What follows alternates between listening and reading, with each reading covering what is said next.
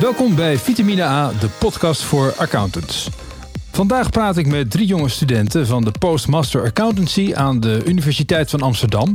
En eh, mogelijk kent u ze van hun reactie in het FD op een eerder interview in dezelfde krant met de kwartiermakers Chris Fontijn en eh, Marlies de Vries. Die stelden dat, en ik citeer, jonge accountants problemen niet durven aan te kaarten bij hun manager. Mijn gasten Jochem Beemster, Gijs de Bra en Matthijs Bredenoord herkenden zich niet in dat beeld en beschreven in het FD een cultuur die juist openheid stimuleert en de jongste generatie in staat stelt uh, inhoudelijke en persoonlijke kwesties te bespreken met direct leidinggevenden en managers. Vandaag wil ik met deze drie jonge accountants eens doorpakken en stilstaan bij de uitdagingen van hun generatie en ingaan op de verschillen tussen een hiërarchisch ingericht systeem of een sector die vooral uitgaat van gelijkwaardigheid, verbinding en dialoog. Dit doe ik door met hen het gesprek aan te gaan op een aantal thema's. Om te beginnen, Jochem, Gijs, Matthijs, welkom. Hartelijk dank. Uh... Hey, omdat we uh, het vandaag over de, de nieuwste generatie accountants gaan hebben uh, waar jullie toe behoren, vind ik het leuk om te weten, en het is een beetje een impertinente vraag, zou je denken, maar hoe oud zijn jullie eigenlijk? Uh, ik ben 24, bijna 25. En dat is Jochem, hè? En, uh, en Gijs, ja, hoe oud ben jij? Ik ben 22. En Matthijs? Wow, dat zijn uh, jonge collega's. Ik ben 27. Ja, ja, ja, maar goed, allemaal twintigers en eigenlijk allemaal vroeg twintigers. Nou, dat is eigenlijk fantastisch om te horen, want dat is echt de, de aller, allernieuwste generatie die, die er eigenlijk aan zit te komen, slash al, al een beetje is. En jullie studeren alle drie aan de Universiteit van Amsterdam. Ja, dat klopt. We zijn alle drie bezig met uh, de postmaster daar. Zeg, ik, uh, ik wil graag beginnen met een korte algemene inventarisatie van de belangrijkste overeenkomsten en verschillen tussen de nieuwste accountants en de generatie die pak een beet afstudeerde voor 1990. Even een uh, kort rondje van wat er als eerste in je opkomt. Jochem, laat ik bij jou beginnen. Wat, wat, wat roept dat beeld bij jou op? Ehm, nou, qua overeenkomsten denk ik dat ehm, ja, eigenlijk iedereen van nature een, ja, nieuwsgierig is en, en kritisch van aard. Uh, een stukje liefde voor het vak en, en, en trots om, om in de sector te werken. Uh, ja, je, je, dient toch een, een, eh, maatschappelijk belang in dat opzicht. Um, en qua verschillen, ik, ik weet niet zeker of dat dan per se nou uh, inherent is aan het accountsberoep. Maar um, wat ik denk te merken is dat ja, de jonge generatie misschien toch meer ook gericht is op uh, zaken naast het werk of studie. Uh, toch belangrijker ook om, om um, ja, daarnaast iets, iets te blijven ondernemen en een, eigen leven te houden in, in, die zin. Uh, en dat, dat denk ik dat dat ook in meerdere sectoren speelt hoor. Dat vroeger toch werk een heel belangrijk onderdeel was in het leven van mensen. En dat tegenwoordig men ook verder kijkt dan, dan dat. En daarvan zeg jij dat is een generatieding en niet zozeer een leeftijdsding. Dat jonge mensen überhaupt graag van alles naast elkaar doen. Ja, dat denk ik wel. En ik denk dat het ook gerelateerd is aan de toegenomen flexibiliteit. Uh, het is ook -hmm. steeds makkelijker om, om uh, te switchen tussen, tussen dingen. Denk, we zitten nu bijvoorbeeld ook allemaal remote te werken. Ja, dat, dat maakt het ook in staat om, om een stuk flexibeler te zijn. Misschien is het ook wel een dynamiek die verwacht wordt vandaag de dag, denk ik nu. Ja, ja nee, dat, daar kan ik me ook wel in vinden inderdaad. Ja, nou interessant. Gijs, wat roept het bij jou op? Nou, ik denk, uh, wat betreft overeenkomsten kan ik me bij Jochem aansluiten. Uh, wat ik daar verder nog aan kan toevoegen is dat ik bij iedereen eigenlijk wel een, een drive zie om, uh, om kwaliteit te leveren en om elke dag het beste uit onszelf te halen. het belangrijkste verschil, denk ik, is dat de, de jonge generatie accountants, die, zijn echt ja, opgegroeid met de nieuwe vormen van technologie en die zijn daar misschien wat meer in thuis. Um, en die brengen dat, dat mee naar hun werk. En dat, ja, dat, dat maakt de, voor de verbinding maakt dat, uh, ja, dat wat leuke gesprekken met, uh, met de teams waarin je werkt. Uh, ja, ik denk dat dat het belangrijkste verschil is. En, en aan wat voor technologie denk je dan? Aan bijvoorbeeld social media of ja, de, de geavanceerde vormen van, van data-analyse bijvoorbeeld. Matthijs, dan dezelfde vraag voor jou. Overeenkomsten, verschillen tussen de generaties. Wat, uh, wat roept dat bij jou op? Uh, ik moet eerlijk zeggen dat, dat ik vind het best lastig uh, mijzelf, dus mijn generatie, te vergelijken met die generatie die zeg pak een beetje rond de jaren negentig is afgestudeerd. zij zitten er ook vooral nu binnen de organisatie als, als leiders natuurlijk. als ze al nou, zeg 30 jaar werken bij, bij dezelfde organisatie. Ja, wij zijn net gestart. Um, maar wat denk ik wel duidelijk is, is dat ik, ik denk als je in de jaren 90 bent gestart, dan was het veel vanzelfsprekender dat je hele carrière bij dezelfde werkgever ging werken. En ik denk dat dat zeker in de accountancy sector ook, ook veel gebeurt. En de, de studenten die nu aan het studeren zijn of de postmaster bezig zijn, die, ja, die, die hebben eigenlijk het gevoel dat ze na vijf jaar zo iets anders kunnen gaan doen. Um, en ja, daarin een veel flexibelere mindset hebben. Dus ik, ik denk dat dat een, een belangrijk verschil is tussen de generaties. Nou, heel leuk dat je dat noemt. Daar wil ik later ook nog wat, uh, wat uitgebreider met jullie bij stilstaan. Maar uh, ik blijf nu nog even wat algemeen om een beetje het beeld te schetsen van, van waar we, wat we allemaal willen onderzoeken in deze podcast. in mijn voorgesprek met, met Jochem kwam duidelijk naar voren dat er ontzettend veel goed gaat in de sector. Maar dat de aandacht van de maatschappij niet zo vaak naar de positieve zaken gaat, maar heel vaak naar de dingen die een keer misgaan. Wat, wat, wat, wat zijn jullie ideeën daarbij? Um, ja, ik wil, daar, ik wil er wel even op, op toelichten inderdaad. We hebben inderdaad kort even gesproken. Um, ja, kijk, met, met media is het ook zo dat, dat negatieve berichten vaak toch um, ja, meer aandacht krijgen dan, dan positieve berichten. Uh, en in dat opzicht is het ook logisch dat daar uh, uh, dat, dat soort zaken meer onder de aandacht worden gebracht. en wat het ook lastig is, is ja, als je vanuit de sector positieve berichten wilt brengen, dan kan het misschien een beetje geïnterpreteerd worden als ja, wij van DC Eend. Um, en dat is denk ik het laatste ook wat, wat we willen. Um, naar mijn idee is, is, nou goed, dat hebben wij bijvoorbeeld ook gedaan. Um, eigenlijk op persoonlijke titel, de mensen die binnen het vakgebied werken, duiden van ja, goh, zo ervaren wij dit niet. Dus jij zegt eigenlijk, uh, wat wij kunnen doen tegenover het, uh, ja, de impact die media sowieso heeft, is gewoon een eigen geluid laten horen. Laat je stem horen als accountant, Precies. omdat die stem ook een bereik heeft. Ja, ja eens. Ja. En het kan soms, ehm, ja goed, kijk, als, als, als organisatie zelf, zeg maar, ehm, de vertegenwoordigers daarvan dit vertellen, ja, dan, dan heb je dus mogelijk het probleem dat, dat Ehm, ja, een soort van uh, marketingpraatje wij van WC Import. Uh, en ik denk dat juist de kracht is door mensen die, die zelf werkzaam zijn en eigenlijk daar verder geen belang bij hebben, anders dan ja, een stukje trots en een, een stukje laten zien van goh, we maken wel degelijk ontwikkelingen. om die aan het woord te laten. Ja, wat er natuurlijk uh, onder ligt is het feit dat er ook dingen misgaan in de sector. voldoet de accountant nog aan de verwachtingen van het maatschappelijk verkeer, denk je? Ja, dus ik denk dat het ook op te delen valt in twee, twee delen. Hè. Dat is een stukje prestatiekloof en een verwachtingskloof. Um, ja, goed, dat zijn issues die, die natuurlijk wel meer besproken worden. Uh, onder andere natuurlijk in de stukken van de, de kwartiermakers. Ehm, Misschien ben ik dan ook wel specifiek benieuwd, omdat ik hier met twintigers in het gesprek zit. wat wat hoor je hiervan in jouw generatie? Hoe kijken jij en jouw leeftijdsgenoten hiernaar? Um, ik denk dat het lastig is om, om uh, een goed overzicht te hebben over: oké, okay, welk deel is nou de prestatiekloof en welk deel is nou de verwachtingskloof. Um, ik denk dat wij goed betrokken worden bij, bij de ontwikkelingen binnen de sector. Ook de, de, um, ja, de zaken zoals de verbeterpunten, het verbeterplan van de AFM. Um, en uh, ja, de kwartiermakers. Maar goed, het is, het is onwijs lastig als je nog maar net werkzaam bent in, in een sector om uh, daar al de vinger op te leggen. Dus wat je doet is, is bijdragen naar je beste inzicht. Gijs en, en Matthijs, herkennen jullie dat beeld? Is het lastig om, uh, als je eigenlijk aan het begin van je carrière staat, om hier een, een, een hele duidelijke positie in in te nemen, een hele duidelijke bijdrage aan te leveren? Dat denk ik wel, ja. Uh, je bent uh, zeker in je eerste jaar uh, heb je alleen maar nieuwe indrukken en moet je dat eerst voor jezelf op een rijtje zetten. Um, en ik moet wel zeggen dat nu na twee jaar, we zijn volgens mij alle drie twee jaar werkzaam als accountant, ik kan je dat al veel beter plaatsen. Um, maar ja, ik uh, kan me voorstellen dat uh, als jij tien jaar dit al ziet, of twintig of dertig, dat dat, dat een stuk makkelijker gaat. Ja.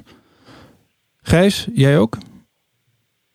Ja, ik, ik sluit me daarbij aan. Ik denk dat het in het begin vooral een, een, steile leercurve is. En ja, dan is het lastig om, om een uitspraak te kunnen doen over of het, of het werk dat geleverd wordt goed genoeg is. Of dat er misschien vanuit de maatschappij te hoge verwachtingen worden gesteld. Ik denk dat het belangrijkste is dat je dan gewoon uh, leert hoe het, uh, hoe het zou moeten. En, en, je best probeert te doen om daaraan te voldoen. toch hebben jullie op een dag met elkaar gevoeld. Wij, wij willen onze stem laten horen en hebben denk contact gelegd met het FD en een reactie gegeven op een interview met de kwartiermakers. Wat was nou de, de kiem die maakte dat jullie dat initiatief namen?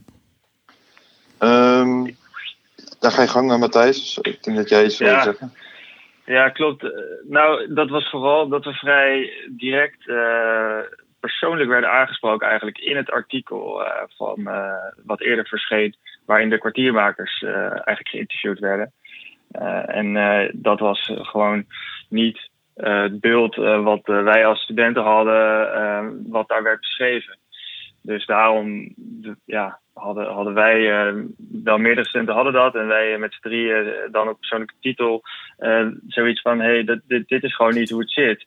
En ja, dan is het wel belangrijk dat als wij als generatie het geschetst worden, dat dat ook duidelijk naar buiten komt. En vooral denk ik ook dat ja, als FD spreek je ook wel de bredere maatschappij aan. Eh, en dit was dus ook een mooie kans om, daar eh, vanuit onze kant iets te laten horen. Ja, ik vat dit voor mezelf nu samen. Natuurlijk, je begint heel zorgvuldig aan je, aan je carrière, aan je loopbaan. Maar het is ten alle tijde belangrijk, ook als je twintig bent en net komt kijken, om je stem te laten horen. Dat is de enige manier waarop je een eventuele generatiekloof kan overbruggen. Ja, ja zeker. Uh, zeg Jochem, ik blijf nog heel even bij jou. Uh, hoe volg je als jonge accountant eigenlijk je eigen lijn? Als je onderdeel bent van een hiërarchisch georganiseerde bedrijfscultuur in een sector die je best traditioneel kan noemen? Ja, nee, dat is een goede vraag. Um, ik denk dat het vooral belangrijk is dat er een, een open dialoog is. Uh, en enerzijds moet dat natuurlijk gefaciliteerd worden door ehm, ja, de mensen die, die boven jou staan. En anderzijds denk ik ook dat het een stukje vanuit jezelf moet komen. Um, ja, ik neem altijd voor dat je, je moet kritisch zijn. Um, en je mag best je mening laten horen. Maar ja, om toch contact te houden met het systeem moet je wel dit met respect doen en beseffen dat anderen in het vakgebied wellicht op bepaalde vlakken veel meer ervaring hebben. Um, maar goed, kijk, ja, vier ogen zien er meer dan twee. En ik denk dat het altijd een hele waardevolle bijdrage is, is om iemand met een frisse blik ergens uh, ja, naar te laten kijken. Um, en persoonlijk merk ik ook dat dat ook wordt gewaardeerd. Het wordt op prijs gesteld. Um, ja, dat er toch input wordt geleverd. En um, het hoeft niet altijd nou, precies de vinger op de, op de zere plek te leggen. Maar het kan ook voor zorgen dat uh, andere mensen toch weer anders naar zaken kijken. En daar ja, hun eigen sausje overheen doen om, om, om er toch nog weer wat anders van te maken. Uh, kan het zijn dat dit niet zozeer over generaties gaat, maar veel meer over noem het maar even, persoonlijkheid? Dus dat de jonge accountant gewoon voorzichtig is? Um, nou ja, het, het, is wel lastig. Kijk, natuurlijk als je ja, net bij een organisatie komt, um, dan kan het uh, kwetsbaar voelen om zeg maar, je kop boven het ma maaiveld uit te steken.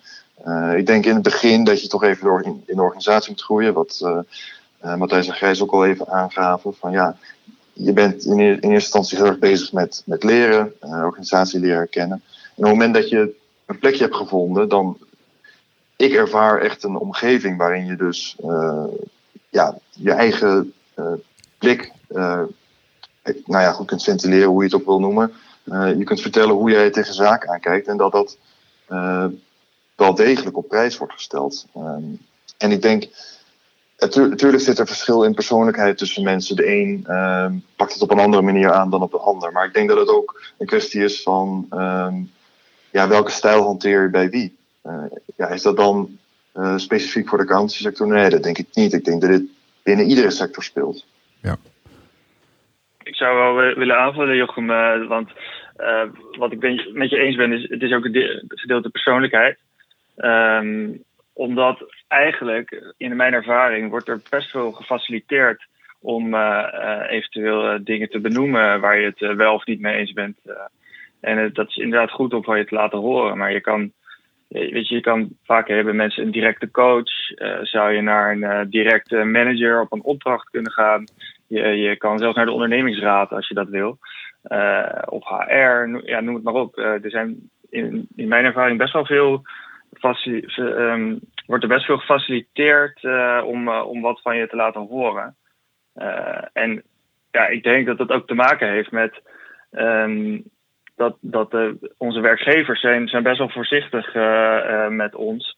Omdat er, ja, wij zijn de, de, de assets. Het is een, een people business. Wij, wij zijn het product hè, van, van de bedrijven. Dus, en er zijn, er zijn niet heel, heel veel, er is niet heel veel aanbod op de arbeidsmarkt. Ik hoorde zelfs een keer het woord de war on talent. Um, en, en daarom wordt er, ja, worden wij best wel goed behandeld, vind ik eigenlijk. Dus uh, in die zin uh, ja, is het best wel iets wat, uh, wat, wat vanuit de mensen zelf ook moet komen. Nou, leuk om te horen. En dat is eigenlijk een heel positief beeld dat, dat jullie schetsen. Misschien hier op aanhakend. De combinatie werk-privé en, en de balans daartussen. is het nog steeds hip om een paar keer per week tot tien uur s avonds op kantoor te zitten? Of is uh, dat een, een beetje een archaïsch beeld en, uh, en, en, gaat dat er nu anders aan toe op de kantoren. Gijs, ja. jij wellicht?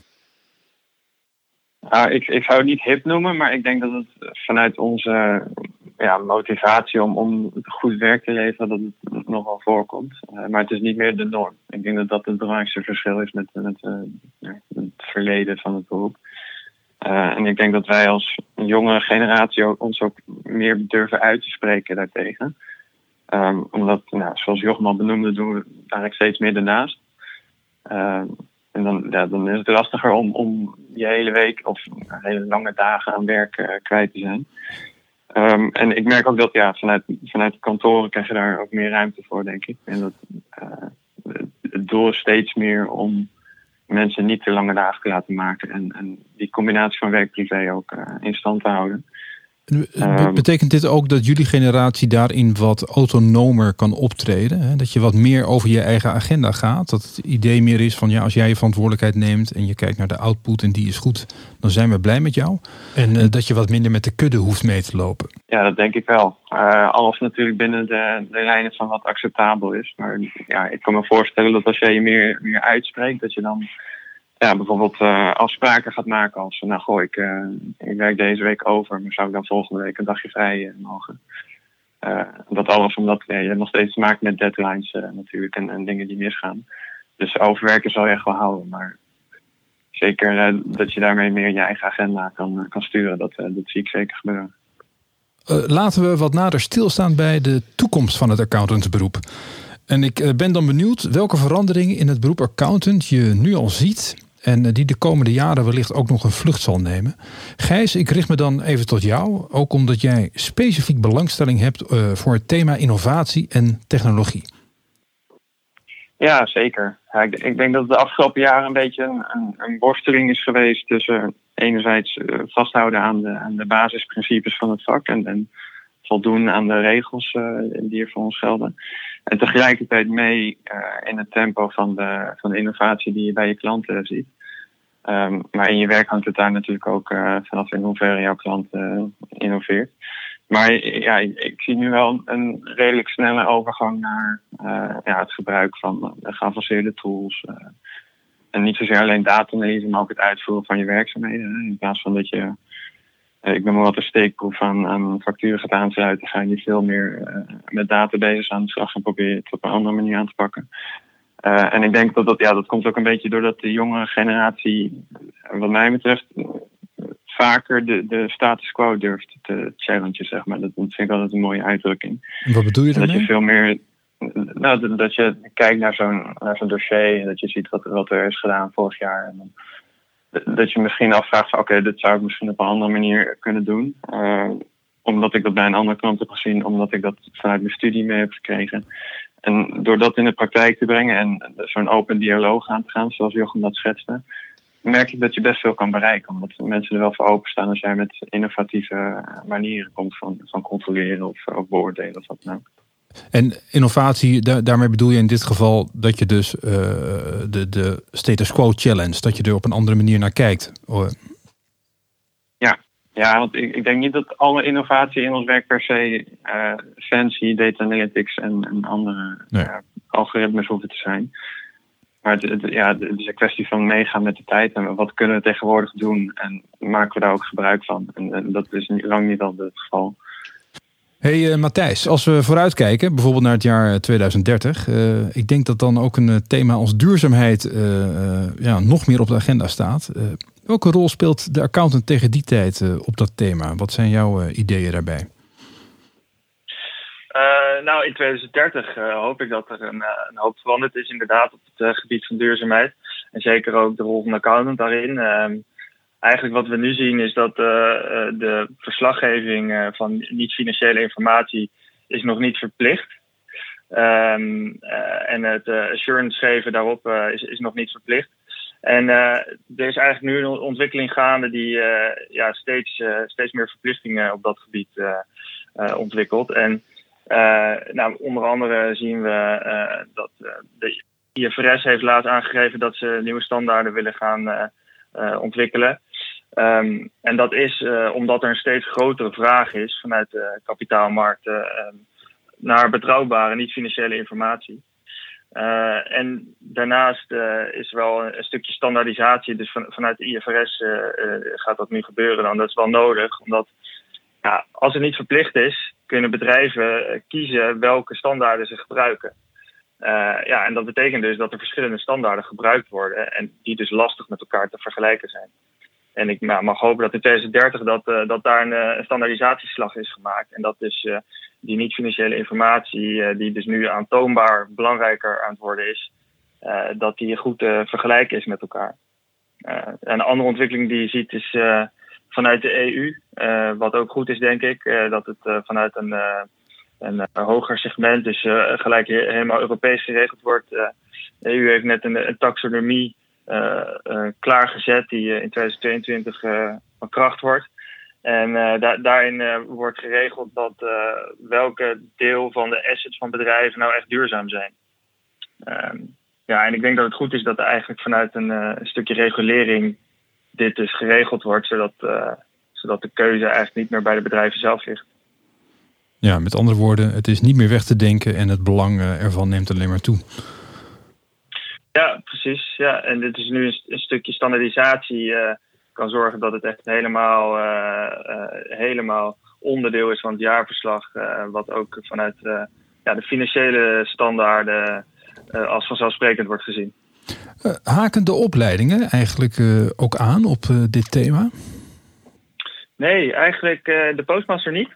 Wij hebben in de master wel een vak gehad, sustainability, maar dat ja, dat was toch meer een stukje geschiedenis en uh, hoe het ontwikkeld is, maar niet uh, naar de huidige richtlijnen gericht. Loopt de opleiding dan eigenlijk een beetje achter de feiten aan? Nou, het is een uh, ontwikkeling die, ja, wat ik eerder zei, het is nog niet verplicht. Dus ik denk dat in die zin nog niet in het curriculum zit. Maar ja, in, ik denk dat het verplicht gaat worden over de hele breedte gezien. Dus dan denk ik toch zeker dat de opleiding hier een een toevoeging moet gaan doen. Ja, en misschien ook dit, uh, deze vraag is heel breed stellen. Uh, Jochem, sluit de opleiding nog voldoende aan bij wat er nodig is in de praktijk? Um, nou goed, wat we bijvoorbeeld nu wel veel terug zien komen, ook in de opleiding, is een stukje invulling voor het gebruik van data science. dus ik denk dat dat een waardevolle toevoeging is. ook dat staat nog wel in de kinderschoenen hoor. Um, dus je merkt dat het, het, vak bijvoorbeeld nu met name is gericht op um, ja, de verbinding creëren tussen de mensen die daadwerkelijk uh, echt data science hebben gestudeerd en daarvoor worden ingezet bij, uh, bij een audit en de mensen die daadwerkelijk de audit uitvoeren. Om ja, die dialoog daartussen mogelijk te maken. Um, desalniettemin denk ik dat dat ja, steeds meer um, zal gaan spelen in audits. En ik denk dat, dat de zwaartekracht ook meer daar naartoe zal verplaatsen. Wat ik wel mij opvalt, zowel binnen de praktijkopleiding als de theoretische opleiding, is dat um, toch veelal wordt teruggegrepen op bijvoorbeeld de typologieën van Starreveld. Terwijl als we kijken naar ja, de, bedrijf, de hedendaagse bedrijven, ehm, zijn, vallen die nog echt binnen een typologie? Ik, ik denk het persoonlijk niet. Ik denk dat er um, ieder bedrijf wel iets van een typologie heeft. Uh, en in dat opzicht vind ik het eigenlijk ook um, achterhaald om bijvoorbeeld bij de praktijkopleiding te verplichten om een minimum aantal typologieën te raken in, in, uh, in je opleiding. Ik denk dat daar uh, in dat opzicht nog wel een, uh, een verandering plaats kan vinden, waarbij er dus gewoon andere, uh, een andere invulling aangegeven zou kunnen worden. Ja, waar ik ook aan moet denken nu, is eigenlijk dan, dan heb je straks de opleiding gedaan, dan ben je begonnen als accountant. Uh, is het beroep dan uh, straks of nu nog aantrekkelijk genoeg om daar ook je leven lang in, in, te blijven, om openbaar accountant te blijven? Of, of merk je wel geluiden binnen jullie generatie van mensen die zeggen, ja, ik begin daarmee, maar op een goed moment wil ik toch echt meer de business in? Ja, ja, nou, ik denk dat Matthijs het ook al even aanstipt. Ik denk dat er een bij de jonge generatie toch een wat flexibele mindset is. men kijkt meer naar de eerste stop, stip op de horizon. Dat is het zijn het behalen bijvoorbeeld van de RA-titel. Um, en dan, dan zien we het wel. Als het nog uitdagend genoeg is en nog leuk genoeg is, en dan, dan gaat men door. Ja, als, als je denkt van, goh, uh, ik heb mijn titel behaald en ik ben eigenlijk op zoek naar wat anders inmiddels. Ja, dan, uh, dan zullen zij uh, eerder bijvoorbeeld accountant business worden. en het is geen, het is, het is geen geheim dat, dat er vrij veel mensen zijn die, uh, die na het behalen van hun RA ook, ook uh, de sector verlaten. En uh, een gedeelte denk ik natuurlijk verloop. maar ook aansluitend aan wat, wat Matthijs al aangaf. Ik denk dat er ook behoorlijk veel wordt gefaciliteerd binnen organisaties om juist ook talent te behouden. Matthijs, jij refereerde hier aan het begin al even aan. Ja. Heb jij hier nog specifieke gedachten bij? Ja, zeker. want ik denk dat eigenlijk tegenwoordig de sector enorm in ontwikkeling is. En uh, je, je bent als uh, je jonge generatie, ben je, heb je een flexibelere mindset en denk je, ik kan alle kanten op. Maar het betekent ook dat je binnen de accounting sector alle kanten op kan. Want ja, er ontstaan steeds meer smaken eigenlijk in type controles. Uh, wat ik al zei, duurzaamheid, maar ook, uh, ja, je kan je ook dus een beetje gaan specialiseren in, uh, in een data-analyse kant of ja, een bepaalde sector. Um, waaronder ook bijvoorbeeld uh, wat Jochem zei, die typologieën sluiten niet meer helemaal aan. Wat nu dus natuurlijk uh, een grote sector is, is, is de digitale en de tech sector. Ja, dat is dan ook weer een, een mogelijkheid om als accountant in te gaan specialiseren.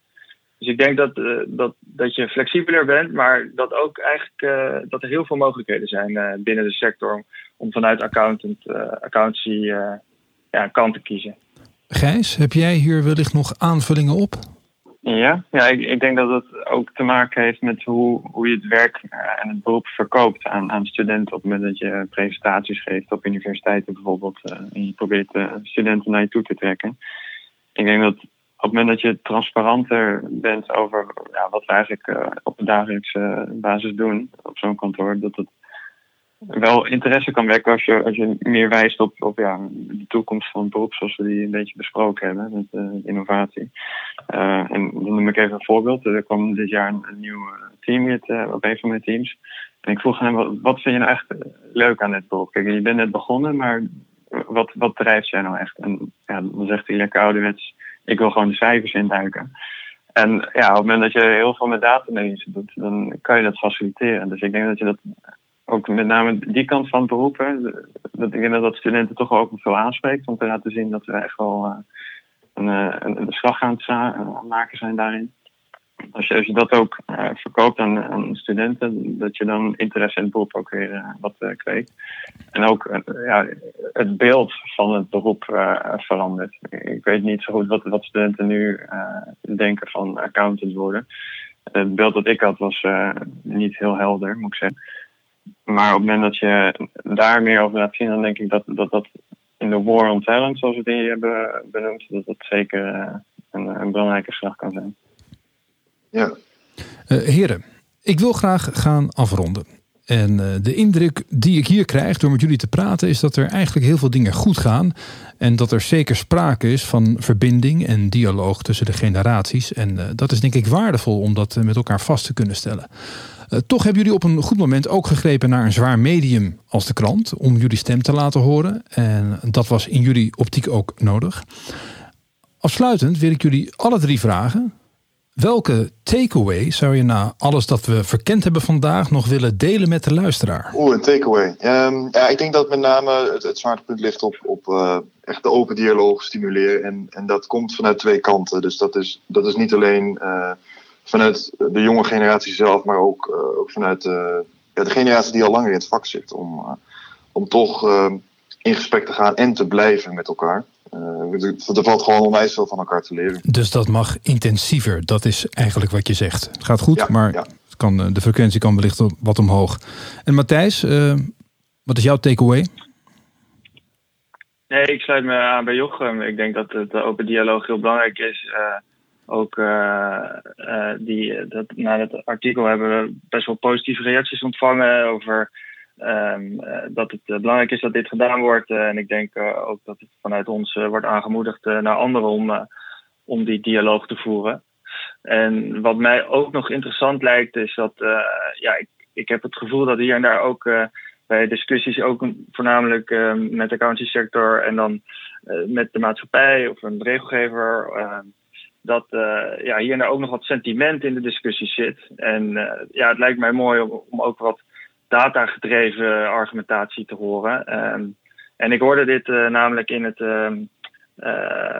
het was een videogesprek ook vanuit, vanuit de MBA Springlevend. Mm -hmm. En uh, er was de voorzitter van de Young Prof, die noemde dit. Die zei van ja, kunnen we niet wat meer uh, argumentatie horen op basis van wetenschappelijk uh, onderzoek en, uh, en, data? Want ik denk dat dat ook de verwachtingskloof van, de, van de maatschappij en de accountants kan verkleinen.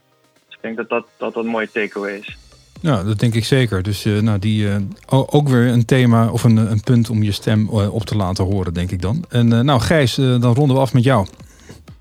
Ja, nou goed, in dat FD-artikel uh, deden wij de oproep aan de kwartiermakers om uh, te vertrouwen op de moed van jonge accountants. Uh, ik wil dan ook vooral voor alle jonge accountants een oproep doen hier om die moed ook echt waar te maken en, en, waar te blijven maken. En hou je frisse blik vast en challenge je status quo waar nodig, waar mogelijk.